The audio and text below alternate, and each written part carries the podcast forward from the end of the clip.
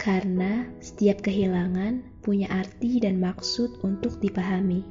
Halo semua, we are the next. Happy listening.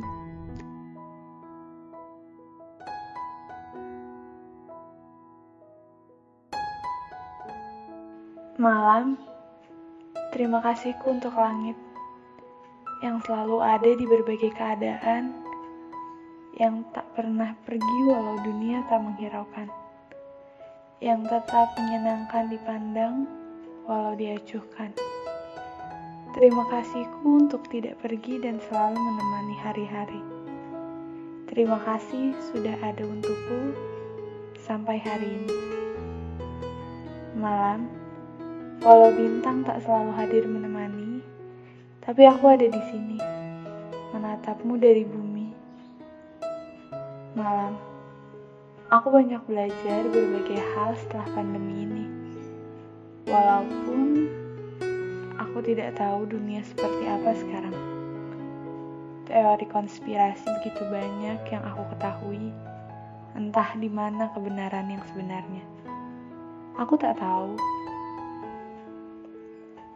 Aku tak mau ambil pusing soal hal itu. Yang aku tahu, sejak saat itu, banyak berubah hal di sekitarku. 180 derajat. Bahkan diriku sendiri.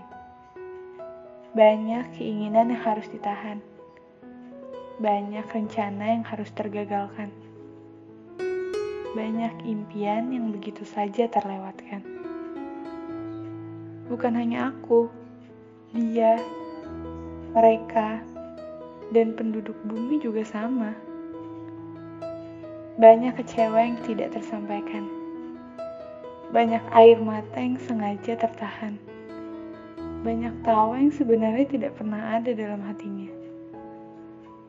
Malam, terima kasih tak pernah menghilang dari peredaran.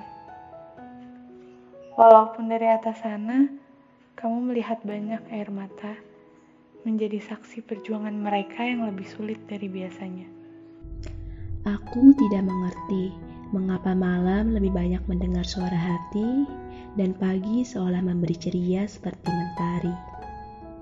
Sinarmu memang tak secerah mentari pagi, tapi hadirmu cukup memberi sedikit luang untuk penduduk bumi yang pada akhirnya bisa bahagia lagi esok hari. Bahagiaku tak sampai ekspektasi. Pandemi ini mengajarkan bahwa yang hilang akan terasa jika sudah pergi.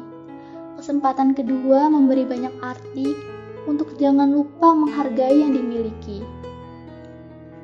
Mungkin bahagia penduduk bumi sudah berganti setelah pandemi ini. Menjadi sederhana tanpa alasan.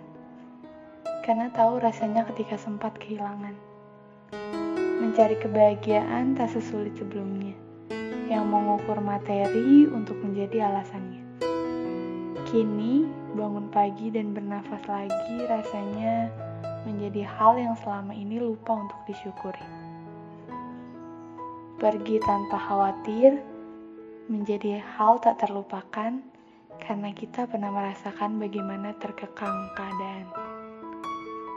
Berdekatan dengan teman menjadi istimewa karena kita pernah terpisahkan oleh jarak. Maka saat ini mencari kebahagiaan rasanya semudah kita merasakan setiap detik yang masih diperuntukkan untuk kita. Kebahagiaanku cukup sederhana bukan? Cukup sederhana untuk dilakukan namun memiliki ribuan arti di dalamnya. Pandemi sejatinya mengajarkan banyak hal kepada kita.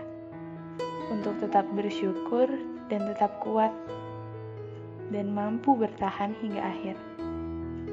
Sesuatu yang dilihat buruk di luar bisa saja memiliki ribuan kebaikan yang bisa kita dapatkan setelahnya. Pesan untuk aku, kamu, dan kita semua: jangan menyerah, teruslah berjuang.